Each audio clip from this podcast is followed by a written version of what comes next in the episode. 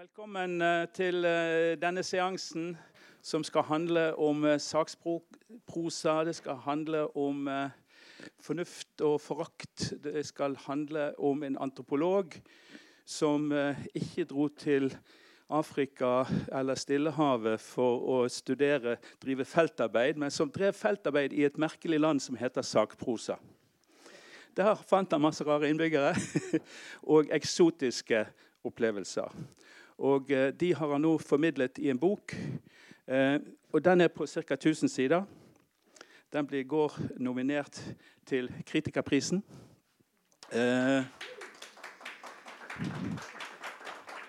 og nå er vi så heldige at vi skal få en smakebit. er vel riktig å si. Vær så god, Anders Johansen. Takk skal du ha. I våre dager, fra demokratisk synspunkt, så er det nokså opplagt at eh, flest mulig må få komme til orde. I dette så er det en menneskelig anerkjennelse som alle fortjener.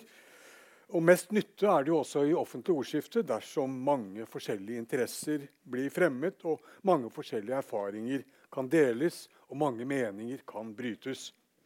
Ytringsfrihet er da en betingelse for at dette skal skje, men det er ikke nok. Det at alle etter loven kan få lov til å si hva de mener, det betyr jo ikke uten videre at de er i stand til å gjøre det. Og slett ikke at de blir hørt hvis de skulle prøve seg, eller at de blir akseptert og at de blir tatt på alvor. Så erobringen av politiske rettigheter, sånn som ytringsfrihet og stemmerett, og sånn, det er lite verdt hvis det ikke blir fulgt opp med utviklingen av hva vi kunne kalle retorisk medborgerskap. Så altså denne evnen til å gjøre seg gjeldende som et myndig samtalepartner og med egen stemme. Og Det er dette jeg har forsøkt å ta for meg i denne boka. her, altså prøvd å undersøke. Den heter 'Komme til ordet'. Eh, nemlig politisk kultur som en fordeling av retorisk makt og avmakt. Hvem har ført ordet? Hvem er blitt holdt utafor? Hvordan har noen kunnet få et sånt kulturelt overtak at andre er blitt spake og tause? Hva vil det si med tanke på selvfølelse og selvrespekt, og ikke kunne ha en stemme. Og Framfor alt så har det dreid seg om hvordan beboerne av det som Camilla Collett kalte de stummes leir, altså bøndene og husmennene og arbeiderne og til sist også kvinnene, hvordan alle disse har retta seg opp og krevd å få komme til orde. Hvor høy var egentlig terskelen for de som følte seg ubetydelige og små? Hva skulle til for å sette seg i respekt? Og hvordan kunne man få selvtillit og mot på å stå fram? Embetseliten var de som først kom til orde. Eh, de dominerte det politiske livet nokså suverent, og de gjorde det med en sånn overlegenhet at alle andre følte seg små. De dannedes arroganse i kombinasjon da, med mindreverdighetsfølelsen hos allmuen den førte til at det frie ordet i praksis var et privilegium for de få. Og sånn måtte det være, het det den gangen eh, hvis friheten skulle åpne for sannhet og rett. Det avgjørende var ikke hva de fleste mente, men hva de beste mente. Altså i praksis hva de mest solide og selvstendige, eller i, altså egentlig da de mest velstående og best utdannede, hva de mente. Så hvis allmuen var passiv og taus, så var det til egen fordel, for den kunne ikke vite sitt eget beste.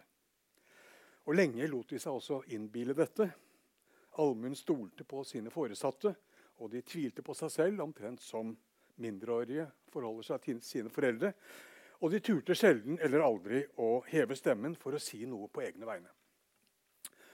Forsøk på å rokke da, ved dette dominansforholdet det er en hovedlinje i historien som blir fortalt i denne boken. Det å mobilisere til en selvstendig bondepolitikk det var å gjøre et første framstøt. Dette er fra 1830 og frametter. ikke sant? Men dette var altså ikke mulig uten at man også gjorde framstøt på andre hold. Haugianerne, deres vekkelse, den hevdet jo at vanlige menneskers rett til å forkynne Guds ord på linje med prestene, gjerne i opposisjon til dem. Og Dermed så ble ærefrykten for autoritetene svekket. Og dermed ble også troen på egne evner styrket. På lignende vis kan vi jo si at kampen for landsmålet skulle sette småfolk i stand til å uttrykke seg med språk som de behersket, og uten å skamme seg. Så ja, disse og i en rekke andre former da, så kom det på plass noen sånn, hva vi kunne kalle førpolitiske forutsetninger for seinere folkelig eh, opposisjonspolitikk. Og I alle tilfeller så dreide det seg om å overbevise vanlige mennesker om at de hadde noe de skulle sagt, de også. Historien som framstilles da i denne boka, det begynner i 1814. Da fikk selveiende bønder stemmerett. Men det var ikke dermed sagt at de fikk kapasitet til å gjøre seg gjeldende i det politiske ordskiftet. Og I fortsettelsen så dreier det seg da fra denne siden sett sant, om opparbeiding av hva vi kunne kalle for retorisk handlekraft. I dag heter det kanskje 'empowerment' eller egenkraftsmobilisering. Og Denne historien den munner ut, eller kulminerer i 1884, da embetsregimet endelig ble nedkjempa. I samme historiske stund så kom det opp nye politiske konfliktlinjer. Norsk kvinnesaksforening ble stiftet i 1884 og så Kvinnestemmerettsforeningen året etter. Slutten på den historien som fortelles her, det er også da opptakene til nye slike historier.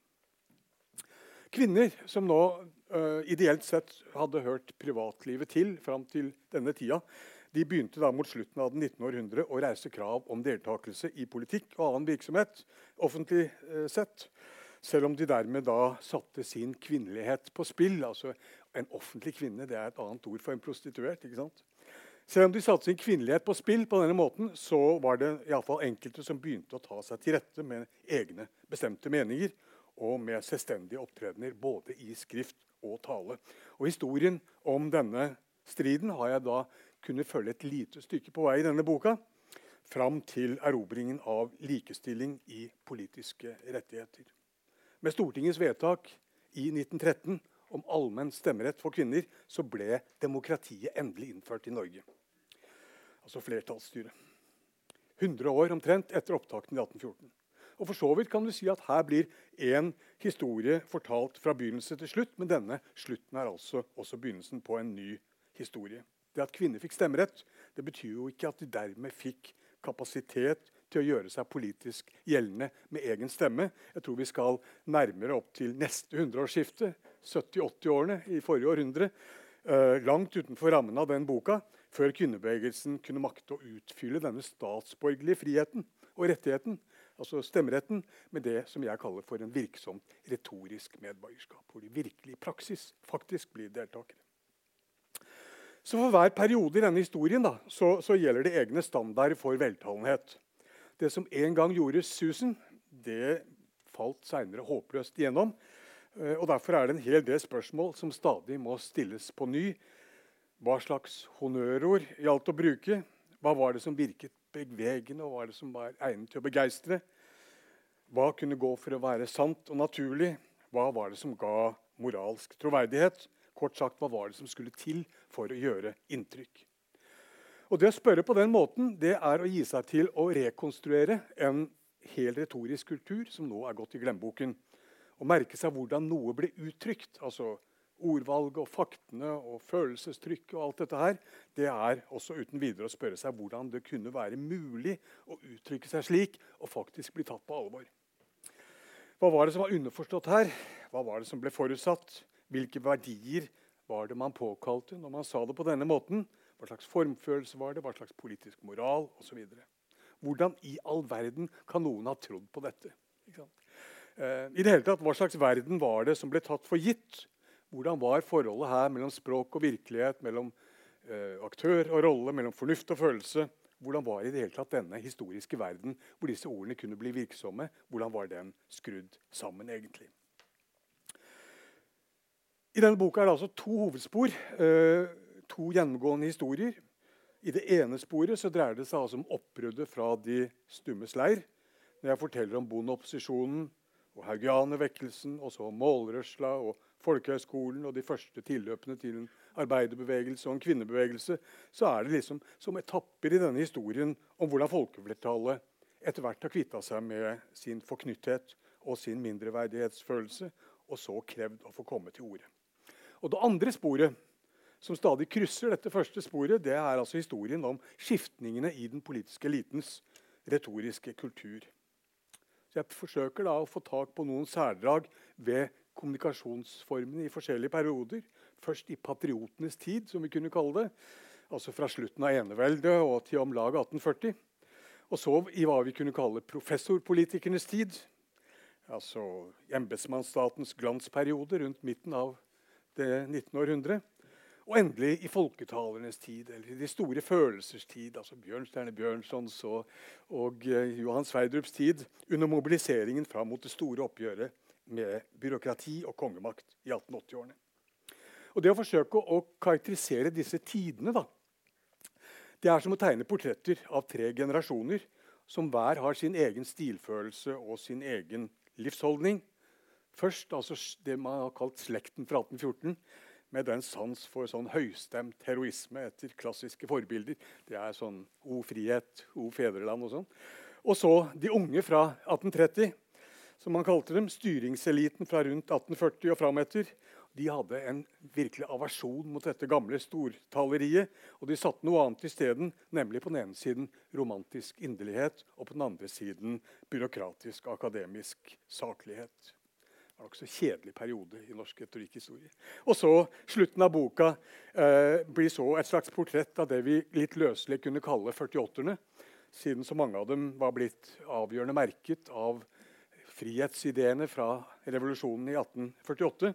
Dette var høvdingene i venstreoppmarsjen fram mot 1870, og de var væpnet med hva de med Grundtvigs ord forsto som det levende ordet. De gjenreiste begeistringsretorikken fra begynnelsen av århundret, men et mye enklere og mer folkelig og personlig språk og med mye mer sånn hardtslående uh, appell. Så Det er altså to hovedspor i denne boka. De krysser hverandre, de fletter seg sammen.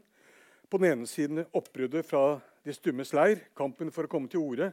På den andre siden denne generasjonsvekslingen og skiftningene og brytningene mellom i, altså i den dominerende politisk-retoriske kulturen. Og Når disse sporene fletter seg sammen her, så er det bl.a. på den måten at kampen for å komme til orde blir ført på skiftende forutsetninger ut gjennom århundret, etter hvert som den retoriske elitekulturen forandrer seg og byr på nye muligheter og nye forhindringer. Hvorfor var det så vanskelig å komme til orde? Det er sånn det gjelder å spørre hvis man er ute etter å rekonstruere en historisk, retorisk kultur som nå er gått tapt. Og En viktig grunn til at det var så vanskelig, det var selve idealet om saklighet og fornuft som rådde grunnen ut gjennom hele dette århundret. Og det er selve modellen for politisk dialog som skulle ivareta dette idealet. Hvis landet skulle styres med tanke på det felles beste, så gjaldt det å finne fram til de Eh, beste menn, som det het. Og så skulle man overlate til dem å diskutere seg fram til de mest fornuftige løsningene. Hva representantene da kanskje måtte mene om det ene eller det andre, det angikk ikke velgerne. Det eneste som betydde noe, det var at de hadde personlige egenskaper som satte dem i stand til å delta i saklig meningsutveksling på konstruktiv måte. Den ideelle politiker det var den gang en som satte seg grundig inn i saken, gjorde seg opp en egen mening, øh, og så tok sin beslutning uten å skjele til noen kant. Og så sto fast på sin beslutning uten å, å la seg presse, oss selv om det stormet rundt ham. Altså En slik person var åpen, fordomsfri, udogmatisk, men han var også uredd og ubestikkelig. Han var mottakelig for gode motargumenter, men han lot seg ikke presse. Framfor alt var han myndig, som det het, altså karakterfast og uavhengig. Det var sånne personer, uansett hva de måtte mene, som man skulle ha på Stortinget. Og så skulle man vise dem tillit ved å overlate politikken til dem. Så dette idealet det betydde at man satte sin lit til fornuften. på en måte.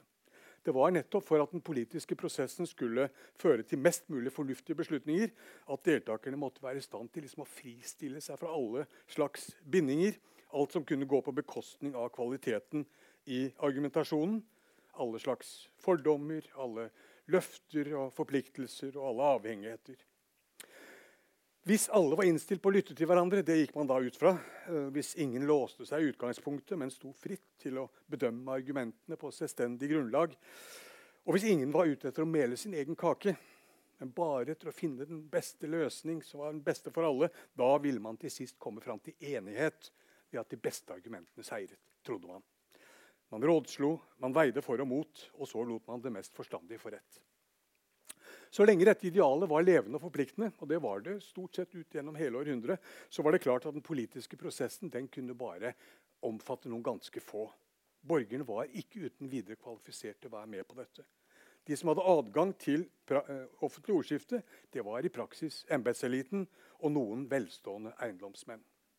For materielt sett var det bare disse som sto så trygt på egne bein at de kunne tillate seg å tenke sjøl og, og, og, tale fritt. Alle andre var avhengig av sine foresatte. Altså Arbeideren var avhengig av arbeidsgiveren. Husmannen var avhengig av bonden. Tjeneren var avhengig av herskapet. Kona var avhengig av sin mann. Uh, sånn at De kunne ikke forventes da å gjøre seg opp en egen mening. De kunne tvinges og trues og kjøpes. Iallfall kunne man ikke regne med at de skulle risikere særlig mye ved å stå imot og, og stå på sitt. De mangla nettopp den selvstendigheten som beror på e eierskap til egen gård og grunn. Og derfor kunne man ikke ta dem alvorlig når de sa noe. Derfor kunne de heller ikke regnes som politisk myndige. De var ikke meningsberettiget. Og Sånn sto det for riksforsamlingen i 1814. Eh, allmenn stemmerett kom ikke på tale. Stemmeretten ble reservert for embetsmenn og for selveiende bønder og handels- og håndverksborgere og eiere av bygårder og av en viss verdi, og sånn, mens husmenn og forpaktere og lønnsarbeidere og sjømenn og skolelærere og funksjonærer og tjenestefolk og alle andre som økonomisk sett ikke sto på egne bein, de ble holdt utenfor. Og Det er i grunnen solid realisme i dette standpunktet, syns jeg. Økonomisk uavhengighet gjorde det praktisk mulig å tale fritt og gå sine egne veier. Men saken kan selvfølgelig også ses fra en annen side. I stedet for å utelukke det avhengige flertallet så kan man satse på å kvalifisere dem til politisk deltakelse ved å kompensere for eller man kan motvirke de økonomiske avhengighetsforholdene. Så når det 20. århundres arbeiderbevegelse og sosialdemokratiet tok sikte på å bygge opp vanlige arbeidsfolk til myndige, myndige, politiske aktører, så var det jo ikke minst på den måten nettopp ved å sikre trygge levekår og vern mot vilkårlig behandling fra eiere og overordnede. Hva eiendomsretten var for borgerskapet, det var etter hvert organisasjons- og forhandlingsretten og oppsigelsesvernet og ledighetstrygden eh, osv. Eh, for arbeiderklassen. Det var organisasjonenes styrke som garanterte at ingen skulle bli nødt til å stå med lua i handa, som det het, men dette, altså at den personlige og politiske friheten er et kollektivt prosjekt, det var fullstendig utenkelig innafor en politisk kultur som var så gjennomgående individualistisk orientert som det 19. århundres. Slagord av typen 'samhold gjør sterk' det var helt uforståelig så lenge man gikk rundt og trodde at enhver var sin egen lykkes smed. Så hvis arbeidsfolk i vår egen tid har fått andel i den politiske friheten, ikke bare formelt, men også reelt, så er det på den måten at de ikke trenger være redd for å mene noe annet enn sjefen. Og da er det fordi de vet at de ifølge avtaleverket ikke kan bli oppsagt uten videre, og fordi de vet at de har statlige trygde- og pensjonsrettigheter å falle tilbake på. Dere hørte kanskje eh, Harald Eia snakke på Lindmo her om dagen om staten som frihetsmaskin. Det er en sånn tanke som ligger i dette. Kampen mot deregulering av arbeidslivet og for fast ansettelse og ordna arbeidsforhold, for fagorganisering og kollektive avtaler, og mot utleiebyråer osv., mot individuell lønnsfastsettelse Alt dette er i dag også en kamp for myndige menneskers kår og en kamp for politisk frihet. Men dette var altså ikke begripelig den gangen. Ehm, I liberalismens glansperiode i det 19. århundre så lå dette langt utenfor rekkevidde for den politiske fantasien i stort sett alle leire. Hvis man kan tenke seg en slags sosiologisk realisme når det gjelder det frie ords betingelser, så kunne det den gangen bare peke mot en eller annen form for autoritær begrensning av adgang til ordskiftet. Det store flertallet av eiendomsløse, av avhengige, av umyndige. De måtte nettopp av hensyn til fornuften og det felles beste så måtte de nødvendigvis holdes utenfor.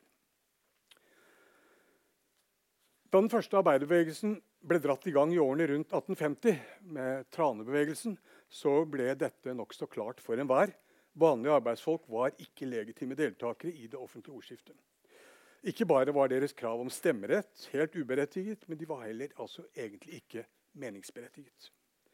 Husmenn og lønnsarbeidere ble regna som del av det private husholdet til gårds- eller brukseieren. Og de hadde fremdeles i realiteten ikke noe større rett til å legge seg opp i offentlig ordskifte enn eierens kone og hans mindreårige barn. Så når de prøvde å komme til orde, var det nødvendig å slå til med hard hånd. Hele ledersjiktet ble pågrepet og dømt til lange fengselsstraffer. Retten kunne da ikke klare å finne fram til noe å anklage dem for, som de, noe bestemt de hadde forbrutt seg mot. De klarte ikke å finne noen paragrafer som, som, eh, som de hadde syndet mot. Ifølge rettsprotokollene som ble kjent mange år seinere, ble de dømt for det hele forhold. som det het. De ble dømt for sin virksomhet i det hele, som det står i rettsprotokollene. Så De første arbeiderforeningene de var et forsøk på å få den beskjedne allmuen opp å stå som politisk subjekt mer enn noe annet så dreide det seg om å lære seg til å handle med ord. Det ble utgitt avis, det ble arrangert diskusjonsmøter og underskriftskampanjer. Det ble holdt kurs i skrive- og taleteknikk. Det ble stiftet sangkor og, og teatergrupper. Og det var dette man da ikke kunne ha noe av. Skolerte og taleføre arbeidere var en politisk trussel mot selve den bestående orden.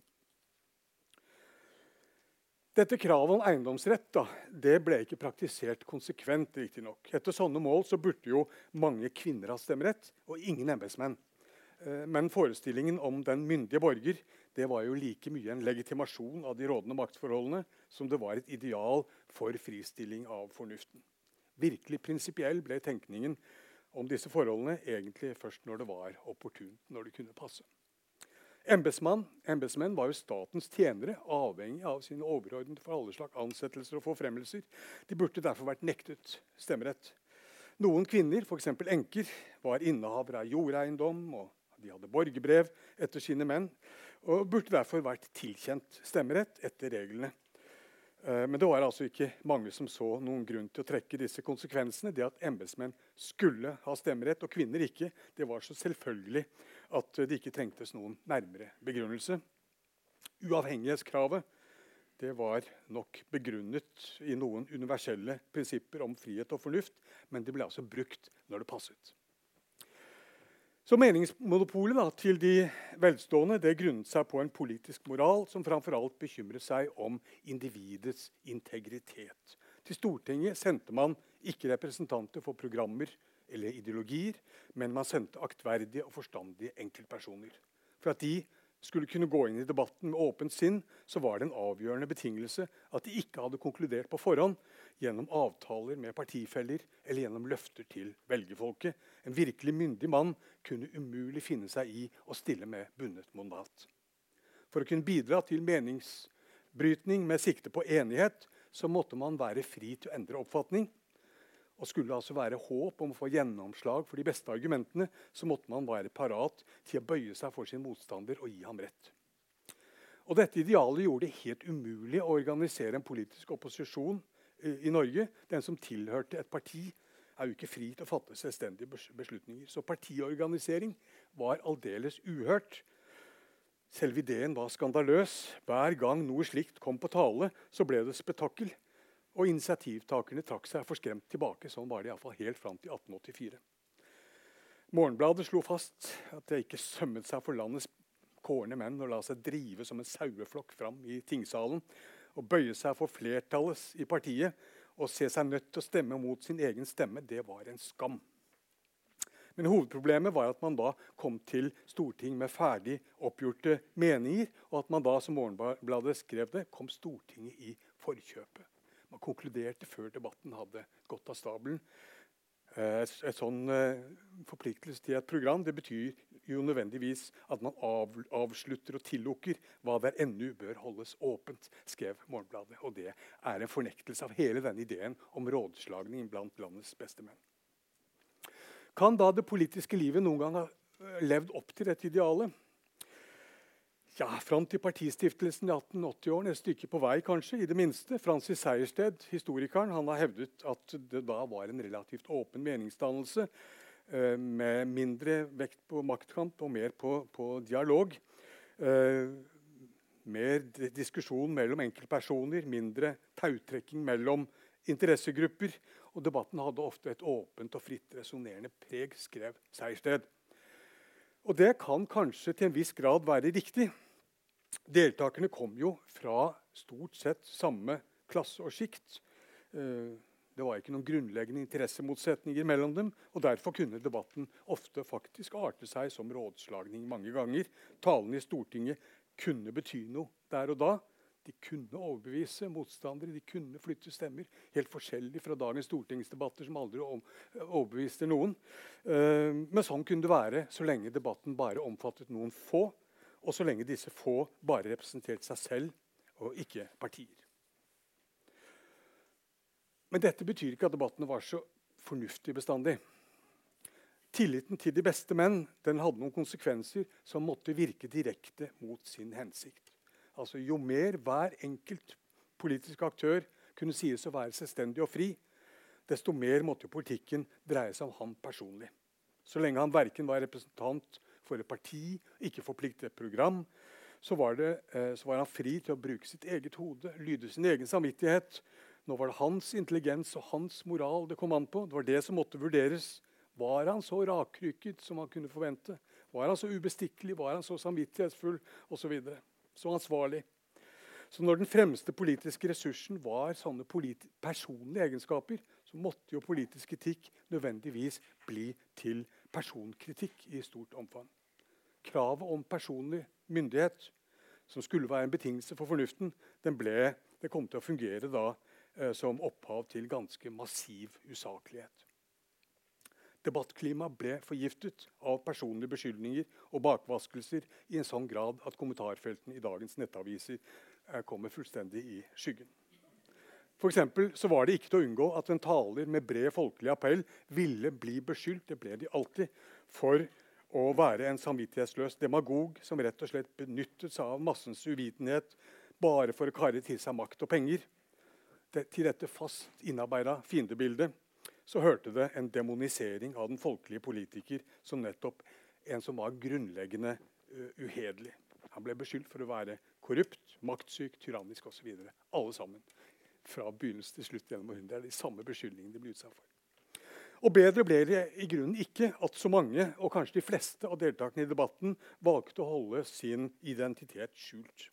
Dermed var det fritt fram for en hvilken som helst sjofelhet Retten til anonymitet ble regna som en viktig demokratisk rettighet. Visstnok var den beskyttet av Grunnloven. Det står riktignok ikke noe i Grunnloven akkurat dette, men de lovkyndige de fant at bestemmelsen om trykkefrihet kunne ikke tolkes på noen annen måte. For at borgerne skulle våge å stå fram med kritikk, så måtte de kjenne seg trygge for at de ikke risikerte straff eller andre ubehageligheter.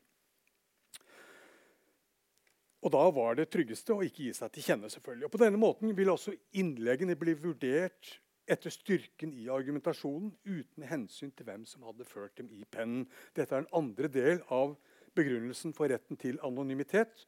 Et strengt fornuftig samtale forutsetter at deltakerne opptrer på like fot. De er meningsberettigede borgere, ingenting annet. De er prinsipielt fremmede for hverandre. Og I praksis kunne dette være vanskelig å få til hvis man opptrådte under eget navn. Derfor tror jeg flertallet altså egentlig valgte å opptre anonymt, og så var helvete løs. 1800-tallets politisk kultur så var det altså et element av uansvarlighet som ganske effektivt bidro til å undergrave sentrale offisielle verdier om saklighet, sannhet og fornuft. Anonymitetsretten virka direkte mot sin hensikt. Som middel til saklighet så kom den til å åpne for personangrep av verste sort. Så Idealet om dialog blant landets beste menn det var lenge en ganske avgjørende hindring for at folkeflertallet skulle få komme til orde. På den måten uh, gjorde den selvfølgelig nytten. Men påskuddet om at det dermed skulle bli så veldig mye av sannhet og fornuft, det kan vi nå i tilbakeblikk ta med en stor klype salt. Har jeg to minutter til? I løpet av det 19. århundre ble en modell for politisk kommunikasjon skifta ut med en annen. Denne ideen om rådslagning mellom enkeltpersoner ble erstatta med konfrontasjon mellom partier som hadde prinsipielt eh, forskjellige programmer. Og Med folkemøtene og med avisen som massemedium så åpnet det seg nå en ny arena der det politiske livet kom til syne for andre enn den lille eksklusive krets.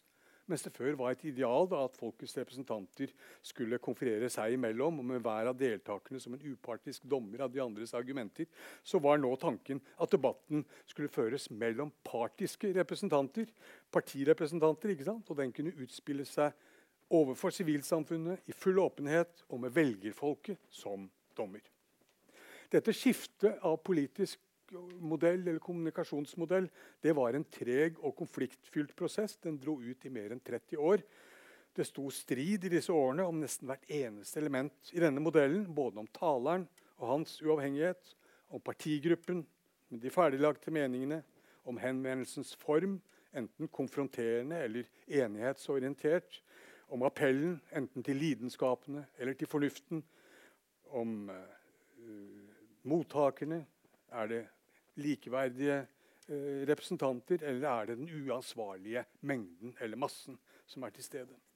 Og disse stridighetene toppet seg under den store forfatningskampen tidlig på 1880-tallet, da venstrebevegelsen tok et avgjørende oppgjør med kongemakten og det byråkratiske formynderiet.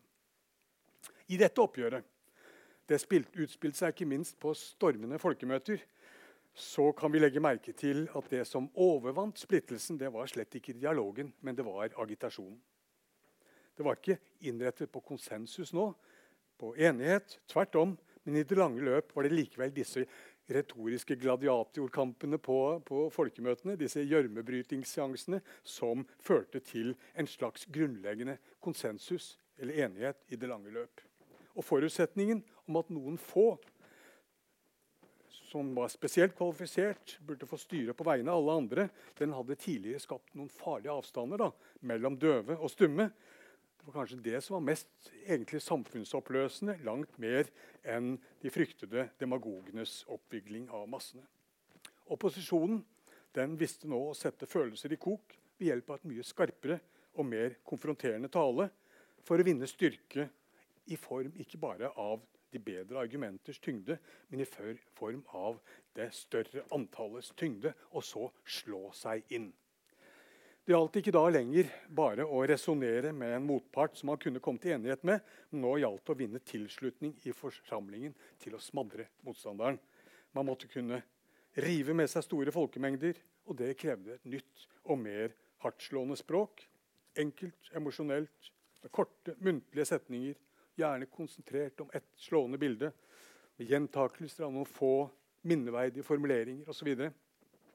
Denne formen for åpen retorisk aggresjon var ikke en fare for samfunnets fred, viser det seg nå etter hvert, men det var den eneste rimelige, fredelige middel til anerkjennelse og inklusjon. Det brukte brukt tida mi, og vel så det.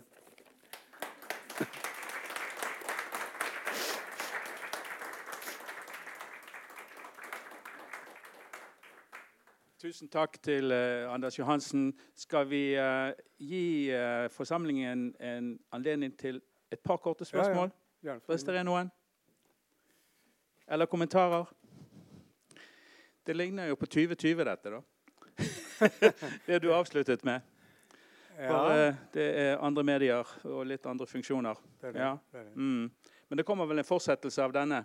Denne slutter i 1913? Kanskje. Kanskje. Ja.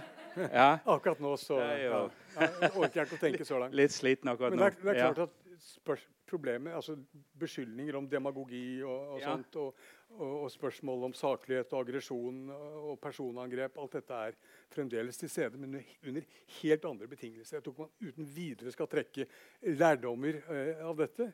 For så er Noe av historien her er at folk vinner adgang til det offentlige samtalen gjennom organisasjonslivet gjennom den retoriske kulturen, gjennom den øvelsen i fellesskap som finner sted på, på, på, i studiegrupper og i lagsmøter og mm. gjennom lagsavisene med redaktør, ikke sant? Mm. som er en slags sånn kollektiv sivilisering av ordskiftet forut for publiseringen og konfrontasjonen med motstanderen. Og Når alle disse mellomleddene faller vekk, så er vi plutselig i en helt ny situasjon. For eksempel. Mm. Det er en av de grunnene som gjør at jeg ikke vil si at her har vi en lærdom for vår tid. sånn uten videre. Mm. Ja. Er det noe ja. Er det, er det, noe særskilt med Norge i dette, eller vil du finne tilsvarende prosesser i la oss si, andre nordeuropeiske land? Ja, du vil finne tilsvarende prosesser, men det er klart at landene er jo veldig i utakt med hverandre. Ja. Altså, USA har i dag et veldig gammeldags politisk system? Med, med, som er veldig personorientert. Med veldig utvikla partiorganisasjoner. Hvor alt står på personlige egenskaper hos den enkelte representant. Som så ideelt sett skal heve seg over partiskillene. Eh, og kunne forhandle til begge parter. Der lever dette idealet ennå. Og ingen steder er politikken mer skitten. Eh, og personangrepene fælere eh, enn USA. Så da har vi et lite ekko av hvordan vi hadde det. vi- Ja, hvis du vil. Altså, sånn, dette har vi Ja. kommet over gjennom partivesenet. Ja. Det er sakliggjørende. Ja. Igjen, tusen takk. Uh, der står andre programmer i kø på dette huset. Ja, ok. 80 Jeg gir meg. Tusen takk skal du ha. Takk.